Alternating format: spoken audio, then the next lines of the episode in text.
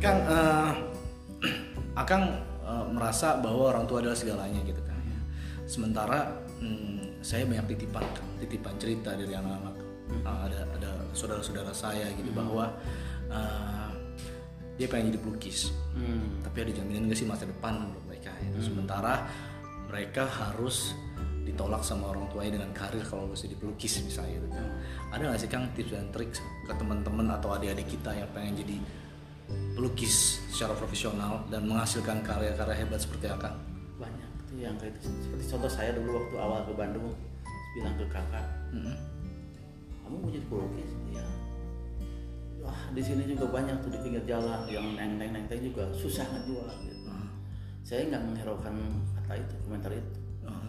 terus ke sini saya jalannya terus aku banyak ya sih ada orang tua atau siapa pun yang ini terus kemarin yang anak mahasiswa terus ada orang tua juga anak mahasiswa seperti saya tuh waktu ada kunjungan ke sini ada 100 mahasiswa ada anak pesaing anak tenas itu. Pak, boleh tanya nggak saya? Maaf ya saya.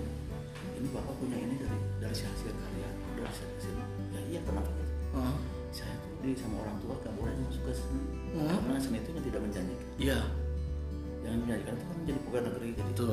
Bakal jadi pejabat, bakal jadi Masa depannya kurang lah Kang. Nah, karena orang dari kampung tuh awal dunia seni itu karena ya, memang apresiasi seni itu ke ke pelosok itu kurang.